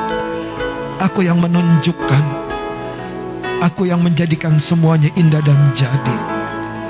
Demikian perkataanku bagi engkau Yeyen anakku yang aku kasih. Rata nama.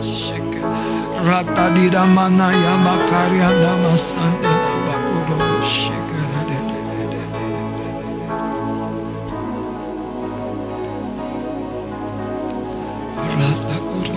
bakuro kuri tala bakuri tala bes. Sakura syekh. Sakuri kaleda bakaya.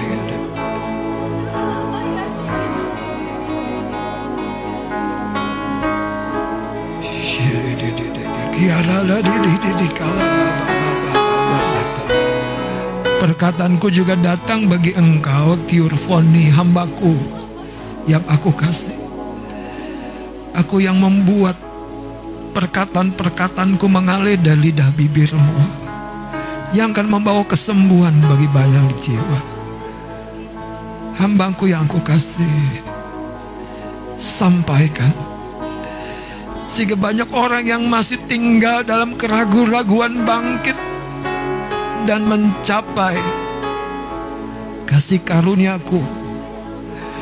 Ini waktunya ketika engkau berkata-kata, aku menaruhkan pedang yang tajam, bahkan permata yang indah. Sehingga setiap orang yang terbuka hatinya kepada perkataanmu sekalipun sepertinya sakit, mereka akan menerima permata yang indah. Mereka akan menerima permata yang indah. Hambaku Tiurfoni yang aku kasih. Bukankah aku melukiskan kehidupanmu pada telapak tanganku dan merancangkan dengan sempurna tiap-tiap langkah kehidupanmu. Berlarilah hambaku supaya lebih banyak lagi orang melihat kepada terang yang terbit atas hidupku. Demikian perkataanku bagi engkau hambaku Tiufoni. Kepadamu hatiku berbicara. Ratikin alamakaya. Usano makaya. Uratak didaiba.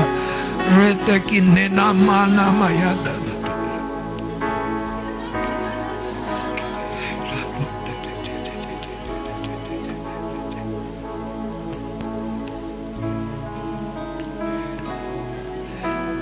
Karalabatakan alamatakan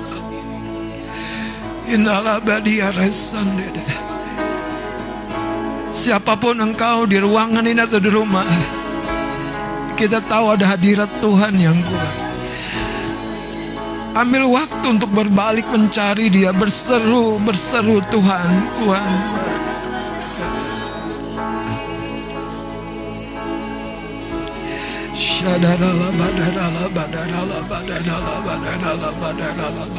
Badadala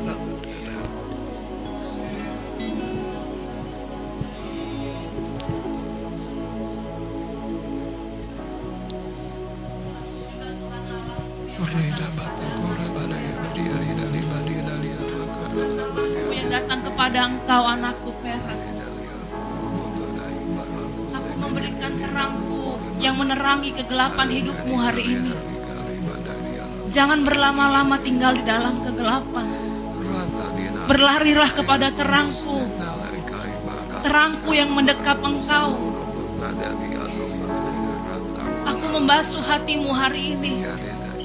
Dan aku Tuhan Allahmu yang memberikan kekuatan yang baru kepadamu Hingga engkau sanggup meninggalkan semua yang di belakang dan berlari kepada Aku membasuh hatimu. Demikian aku mengingatkan dan menasehati.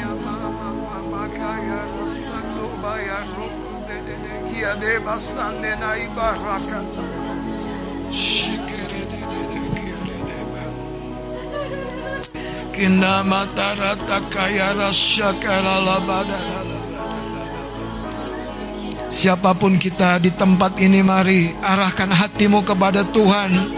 Biarlah secara pribadi kau bicara kepada Tuhan. Tuhan, aku mau hidup dalam rencanamu. Aku mau mengalami seluruh kebaikan dan kemurahanmu.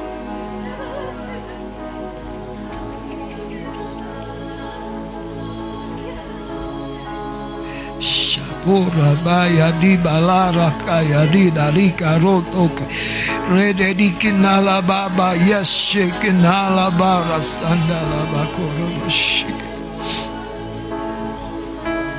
di mesbahmu kami datang Tuhan pada pagi hari. Baharui hati kami Tuhan dengan hadiratmu. Baharui kami dengan hadirat.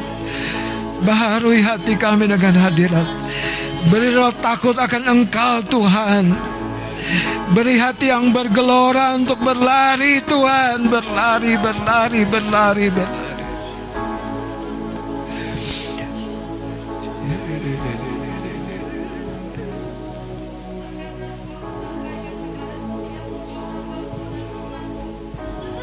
Aku yang hari ini datang dan membawa satu ukuran yang sedang aku perlihatkan kepada setiap engkau. Ukuran yang layak dan patut yang harus engkau nyatakan di sana dalam kehidupanmu. Aku hari ini membawa satu ukuran yang akan menyadarkan engkau sekalian hambaku dan umatku. Jangan kurangi ukurannya. Jangan kurangi ukuran yang sepatutnya ketika engkau hidup dalam keseharianmu sehari-hari. Aku mengingatkan kepada setiap engkau jangan bermain-main lagi. Ini waktunya engkau memperhadapkan hati dan hidupmu sungguh-sungguh. Karena akan tiba, akan tiba masanya penampian itu datang. Dan aku hanya akan mengambil yang ukuran yang sudah aku berikan kepadamu. Hari ini dengarkan setiap perkataan firmanku yang sedang menuntun engkau. Jangan engkau menganggap masih panjang waktunya Karena aku tidak berlambat-lambat lagi Hai hambaku dan umatku. Perbaikilah dirimu Perbaikilah keadaanmu. Jangan menyukai kehidupan yang kotor di hidupmu. Jangan engkau pikir selalu ada kesempatan untuk merubahnya. Aku mengingatkan engkau hai umatku dan hambaku Si jahat berusaha menarik engkau. Si jahat berusaha menipu engkau dengan cara hidup. Jangan masuk kepada perangkap sistem dunia ini Bertobatlah dan terus lakukan dengan ukuran yang sepatutnya. Aku menyertai dan mengasihi setiap engkau. Aku mau mengajar dan mendidik engkau Untuk engkau mengalami kepenuhan. Firmanku tidak pernah berdusta. Firman dan janjiku tidak pernah menipu engkau Hai umatku dan hambaku. Aku mau itu jadi kepada engkau Sesuai dengan takaran dan ukuran yang aku hadapkan kepadamu Irhamataka Kinala manarika sarike dede dalika labarashike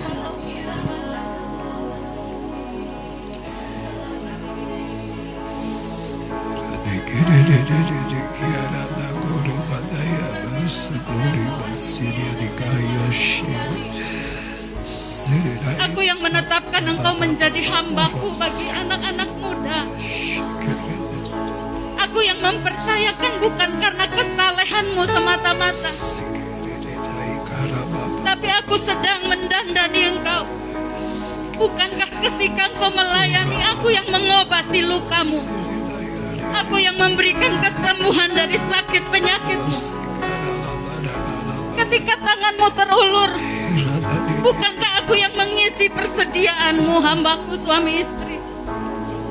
Hari ini dengarkan. Tanganku yang memeluk engkau berdua. Tanganku yang mendanani dan berkata, lakukan lagi. Dengan ukuran yang aku beri kepadamu.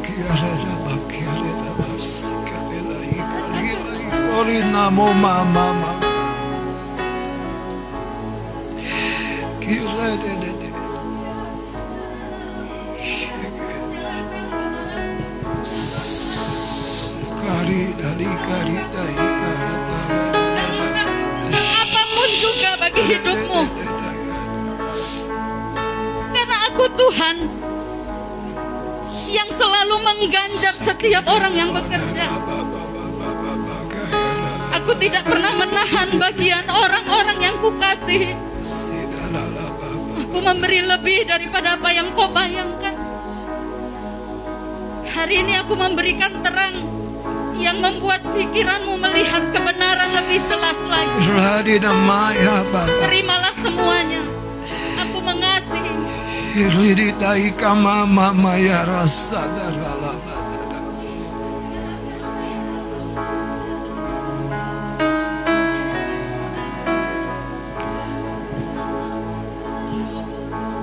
Pagi hari ini kalau kita betul-betul mau mengalami seluruh rencana Tuhan dan dimulai dari bertobat dengan cara hidup kita yang salah. Cara mengelola waktu, cara mengelola keuangan, hubungan yang salah. Ada satu tekad yang penting yaitu bahwa hidup kita untuk dipakai Tuhan. Sehingga waktu hidup kita dipakai oleh Tuhan, kita di dalam bimbingan dan rencananya. Kita diteguhkan, dikokohkan untuk tidak mundur lagi. Yesaya pasal yang 60 berkata bangkitlah sebab terang yang daripada aku datang atas hidupmu.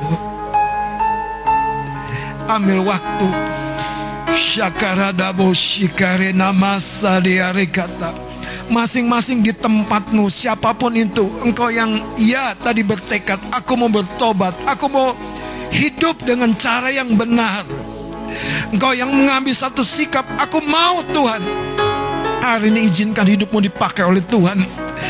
Sehingga engkau bukan saja mengalami sebuah perubahan tapi kau diteguhkan kau diajari kau dituntun.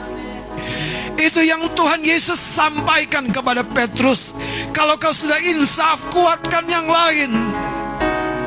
Siapa pun engkau, sekali lagi, siapa pun kita yang mau mengambil tekad untuk jadi alatnya Tuhan, jadi seorang yang meneguhkan, mengingatkan, membimbing yang masih dalam gelap, menjadi orang yang peduli. Ambil waktu Tuhan kami berdoa Terkadang kami takut Terkadang kami tidak enak. Terkadang kami seolah-olah Kami juga sedang salah. Sehingga sering kali kami takut berbicara tapi hari ini bersihkan gerejamu dalam nama Yesus. Basuh seluruh anak-anakmu dalam nama Yesus. Setiap perangkap setan, tipu daya setan, tipu daya dunia.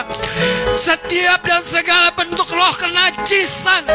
Kami tolak keluar dalam nama Yesus segala bentuk sistem dunia yang coba menjerat anak-anak muda. Hari ini kami patahkan dalam Yesus. Setiap kebiasaan-kebiasaan manusia daging. Kami tolak dalam nama Yesus. Dalam nama Yesus. Kami tolak dalam nama Yesus. Darah Yesus memperbarui tiap-tiap kami.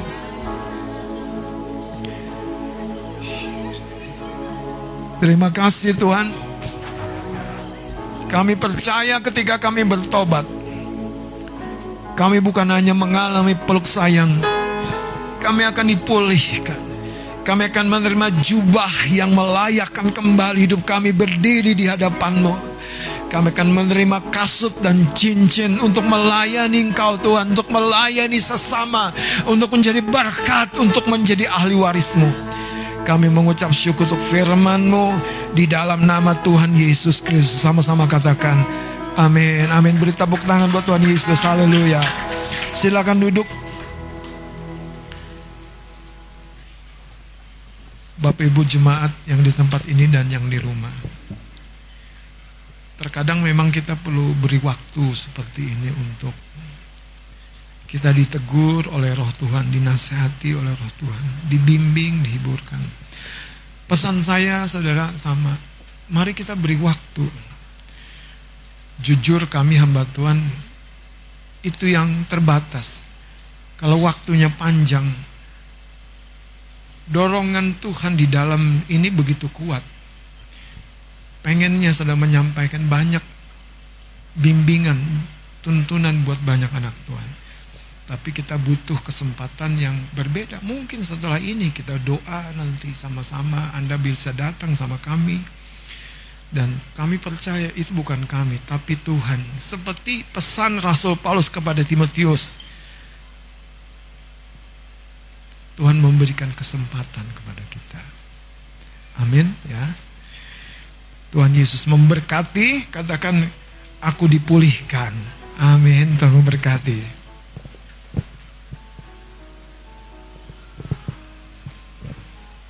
Baik, puji Tuhan. Uh, saya buka jika ada setiap hamba Tuhan yang dipercayakan hikmat marifat maupun pesan Tuhan, waktu dan tempatnya saya persilahkan.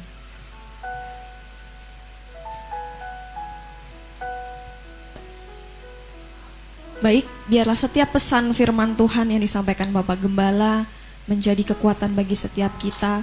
Saya yakin dan percaya di tengah-tengah umat Tuhan ada pemulihan dan pertobatan di antara kita. Puji Tuhan, dan sebentar saya akan menyampaikan untuk pengumuman kita pada hari ini 16 eh, Oktober 2022. Yang pertama akan diadakan ibadah pasutri pada hari Sabtu 22 Oktober 2022 bertempat di rumah Bapak Horas dan Ibu Sari di Bintaro pukul 4 sore. Puji Tuhan. Di ketua suku ya. ketua suku Pasutri. Jangan lupa para Pasutri untuk hadir hari Sabtu besok pukul 4 sore di Bintaro tempat Bapak Horas. Puji Tuhan. Kemudian hari ini usai ibadah akan diadakan training musik gitar di lantai 5 jadi bagi setiap pelayan Tuhan yang sudah dihubungi sekretariat maupun Bapak Gembala Ayo kita berkumpul di lantai 5 usai ibadah kita selesai. Dan hari ini adalah minggu ketiga, jadi saya buka untuk ruang kesaksian bagi setiap jemaat. Dan yang sudah mendaftar ada Amang kita tercinta, Amang Tampu akan memberikan kesaksian pujiannya untuk kita semua. Mari tempatnya saya persilakan untuk Amang Tampu.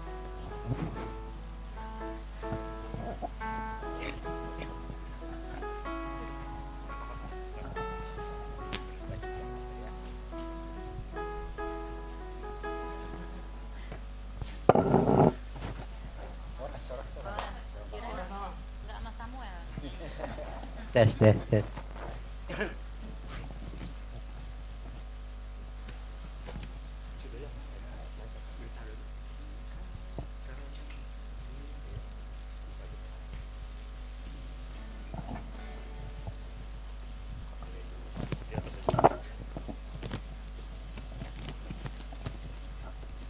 Test, test, test. Salón. Eh. Taruh. Minum dulu.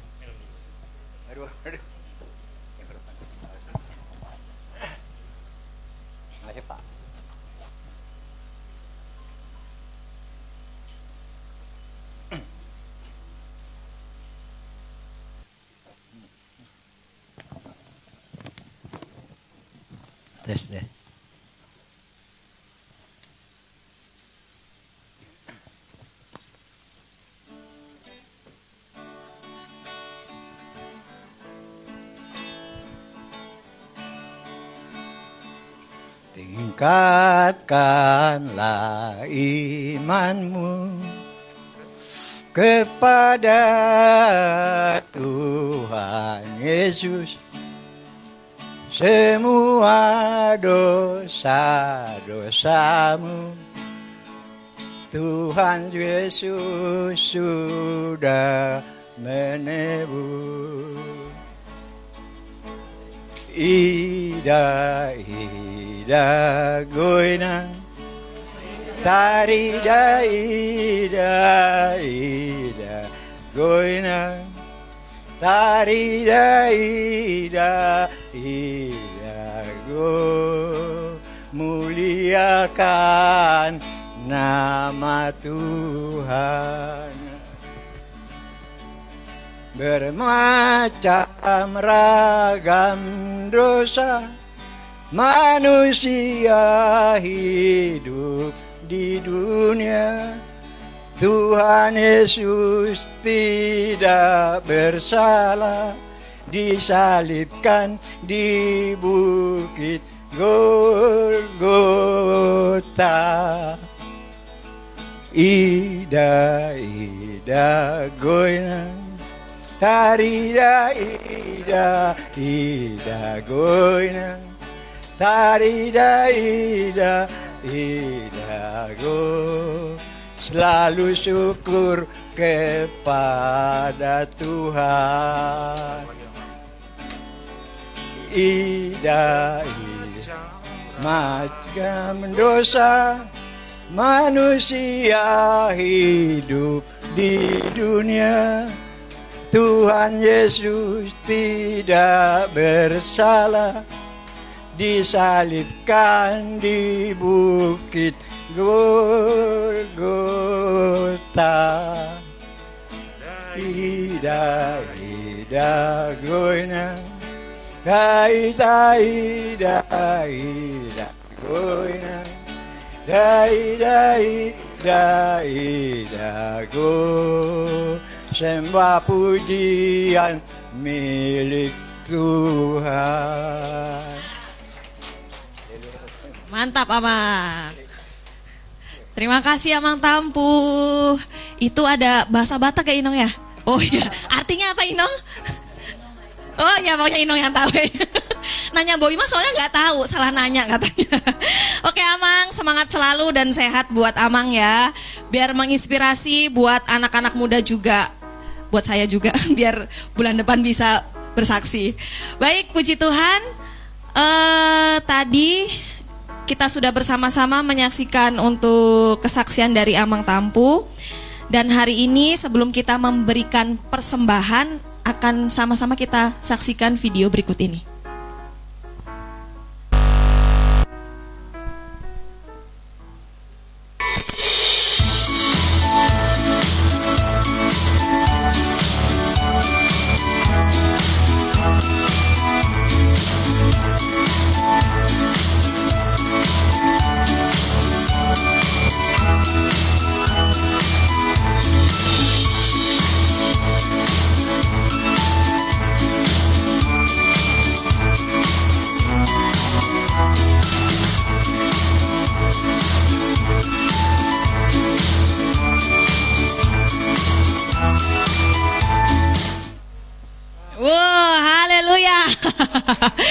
Kalau dengar lagu Natal ini rasanya damainya nih bertambah ya saudara. Sama, nggak sih? sama ya, sama. Aura pengen merayakan Natal dan juga pulang kampung nih, pengen cepet-cepet. pengen kabur. Enggak ya, Among? Enggak, Among. Among. Itu nanti di belakang ya, Among kita bicara.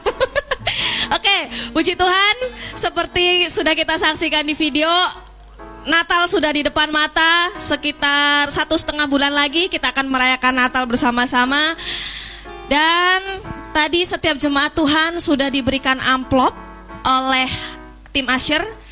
Jika setiap kita belum menerima amplop, boleh angkat tangannya.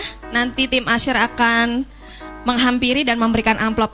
Jadi Hari ini kita akan bersama-sama memberikan persembahan memberkati Natal kita GPI Kemah Pujian tahun 2022. Nah, per hari ini kita akan memberikan persembahan Natal dan kemudian setiap persembahan Natal kita akan dibuka setiap minggu ketiga dan keempat. Jadi minggu depan akan ada lagi, kemudian bulan depan di minggu ketiga dan keempat kita akan diberikan amplop memberkati Natal. Siap memberkati Natal kita?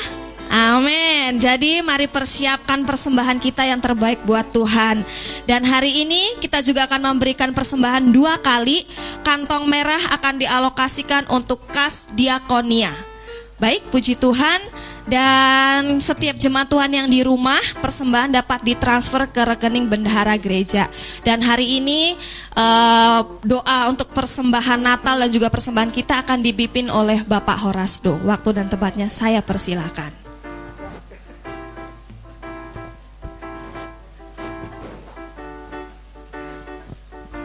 Shalom.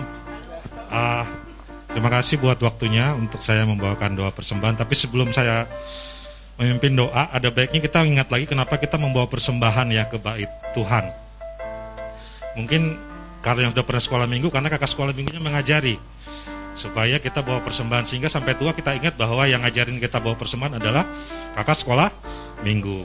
Tapi ternyata kalau tadi tadi saya digerakin waktu uh, Bapak Gembala sedikit menyinggung khotbah mengenai uh, janda miskin yang membawa persembahan. Menurut kalian Tuhan Yesus bawa persembahan nggak pada saat itu? Atau janda miskinnya aja? Saya percaya Tuhan Yesus memberikan contoh dengan membawa persembahan. Mengapa dia mencontohkan janda miskin itu? Karena kita kadang-kadang suka membanding-bandingkan. Jadi contoh yang paling tepat adalah kalau membawa persembahan, bawalah dengan hati. Jadi mulai sekarang ke depan, kenapa kita membawa persembahan? Karena Tuhan kita bawa persembahan. Jadi jangan datang lagi dengan tidak membawa persembahan. Oh tapi saya belum bekerja, saya masih anak-anak, saya pengangguran. Bangun hubungan kita dengan Tuhan karena yang menggerakkan kita mau persembahan adalah bukan kakak sekolah minggu atau yang lainnya, tapi adalah Tuhan yang ada di dalam kita. Gitu. Untuk pekerjaannya bisa dinyatakan salah satunya buat acara Natal tadi. Begitu. Makanya sebelum kita mau persembahan, saya pikir uh, setiap kali kita melakukan persembahan, tim praise worship itu selalu menyiapkan lagu persembahan dengan serius. Makanya sebelum kita apa uh, berdoa, saya pengen teman-teman mendengarkan lagu persembahan yang akan dibawakan sama tim WL kita. Dan tolong renungkan, tolong renungkan, karena tadi kita kadang-kadang lupa kalau kita punya tujuan dan punya identitas. Jadi dengarkan lagu ini kalau teman-teman sepakat, yang tadi sudah dilem boleh dibuka lagi, tambah lagi. Tapi ingat, jangan emosi. Kalau kita menabur, jangan emosi. Jangan sampai tidak menabur atau jangan kebanyakan. Sehingga bukan hati kita yang benar. Ingat, Tuhan kita membawa persembahan, jadi kita mencontoh Tuhan kita, Tuhan kita Yesus Kristus. Silakan lagu persembahan kita apa coba dibawakan dulu.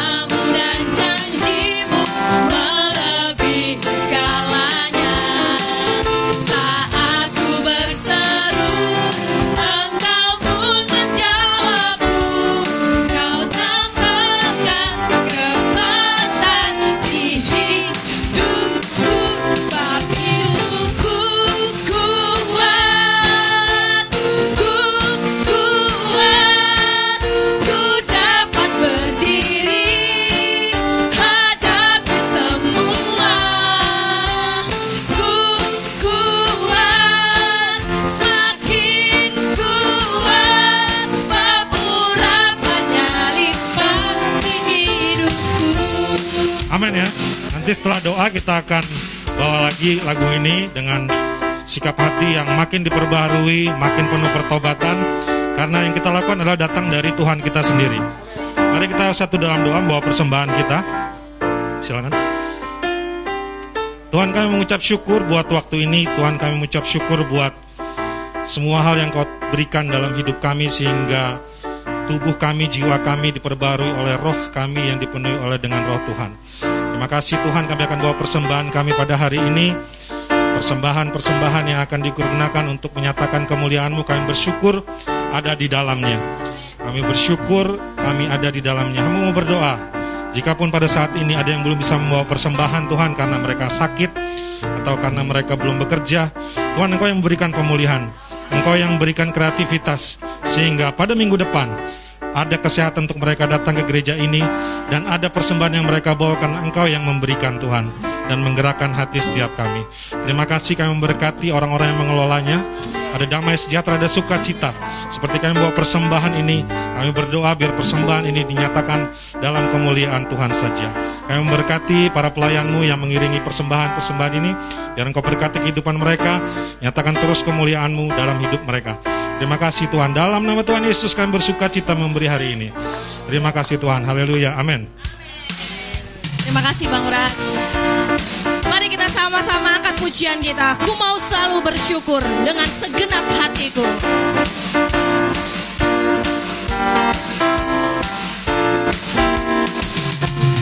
Ku mau bersyukur dengan segenap hatiku.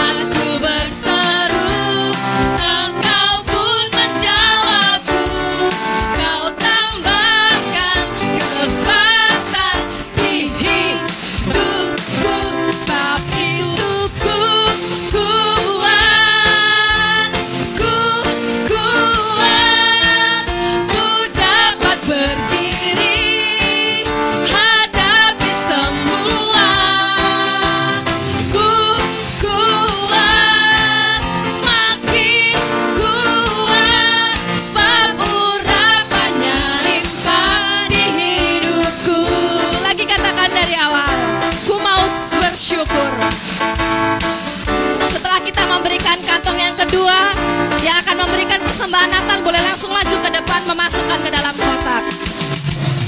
Ku mau bersyukur dengan sekap hatiku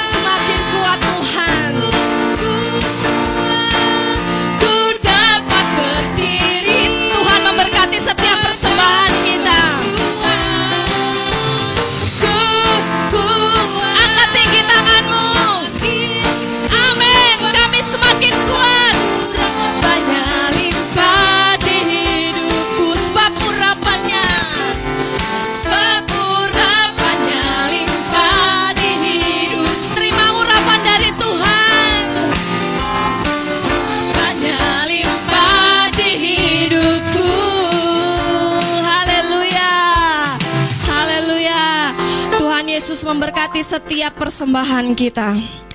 Terima kasih Tuhan Dan kita akan sama-sama mengakhiri ibadah kita hari ini. Kita akan bersama-sama berdoa Bersatu hati Mengangkat tangan kita Sebagai bukti bahwa kita bersatu hati Menaikkan doa kita di hadapan Tuhan. Hari ini Tuhan kami bersyukur Untuk setiap kebenaran firman-Mu Yang menguatkan dan memulihkan hati umat-Mu. Kami percaya dan amini bahwa ada berkat di balik pertobatan kami Tuhan. Kami bersyukur hari ini Engkau yang segarkan setiap hati umatmu yang hadir maupun yang di rumah. Allah yang menyertai setiap langkah kami. Hari ini Tuhan kami mengangkat tangan kami berdoa untuk seluruh jemaat GPI Kemah Pujian. Ada kebangunan rohani, ada hati yang mau taat, memiliki ketekunan membangun kehidupan dalam kebenaran-Mu Tuhan. Kami percaya setiap hati kami dilembutkan, tidak ada pemberontakan, tidak ada sakit hati, melainkan Tuhan hidup kami dibangun lebih lagi untuk lebih dekat kepada Tuhan. Terima kasih Yesus, terima kasih jemaatmu yang mengalami kelemahan tubuh, sakit penyakit yang diderita umatmu Tuhan kami berdoa ada bilur-bilur Tuhan menyembuhkan. Ada kekuatan Tuhan yang ekstra menyertai kehidupan umatmu. Hari ini Tuhan kami menopang setiap umat kami Tuhan umatmu setiap saudara-saudara kami. Dengan mengangkat tangan kami bersatu hati Yesus yang menyembuhkan Yesus yang memberi kekuatan bagi setiap mereka. Terima kasih Yesus terima kasih kami juga berdoa Tuhan untuk bangsa kami. Kami percaya Tuhan bangsa kami ada kasih karunia dan belas kasihan daripada Engkau. Bangsa kami memiliki setiap kebijakan dalam setiap bidang yang diambil oleh para pemimpin. Ada damaimu, ada sukacitamu bagi bangsa kami. Diberkati setiap pemimpin-pemimpin bangsa kami. Ada roh ketakutan akan Tuhan. Terima kasih Yesus, terima kasih. Bapak Ibu Gembala kami, Engkau sertai setiap jalan-jalan mereka. Ada kebahagiaan, ada sukacita yang melimpah, ada berkat Tuhan yang selalu mengalir dalam kehidupan mereka. Kasihmu menyertai setiap anak cucunya nanti Tuhan berlimpah berkat di dalam nama Yesus. Terima kasih Bapak, terima kasih. Kami berdoa untuk rencana perayaan Natal kami Tuhan di tahun ini. Segala sesuatu yang kami persiapkan, panitia persiapkan, Tuhan Yesus yang tolong, Tuhan Yesus yang berkati, beri hikmat, beri tuntunanmu yang terbaik untuk perayaan Natal kami. Terima kasih Yesus, terima kasih. Kami menerima kekuatan yang baru hari ini. Lewat ibadah kami hari ini, kami disegarkan. Dan sebentar kami akan sama-sama menerima berkatmu yang terbaik Tuhan. Terima kasih Yesus, terima kasih Tuhan. Mari kita akan akhiri ibadah kita. Innal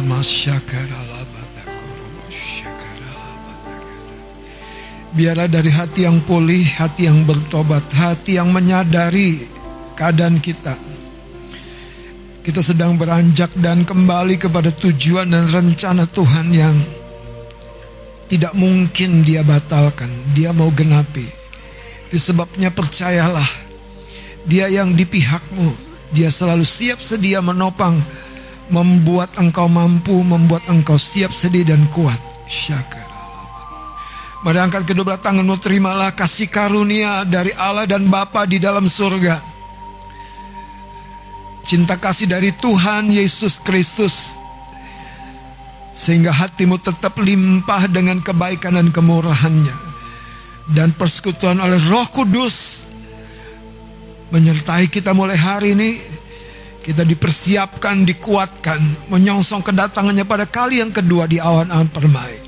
Kita menjadi gereja yang semakin kudus berkenan di hadapannya. Terimalah berkat yang sempurna ini di dalam nama Tuhan Yesus Kristus. Haleluya. Sama-sama kita katakan amin. Amin. Tuhan memberkati. Selamat hari Minggu, Tuhan Yesus memberkati.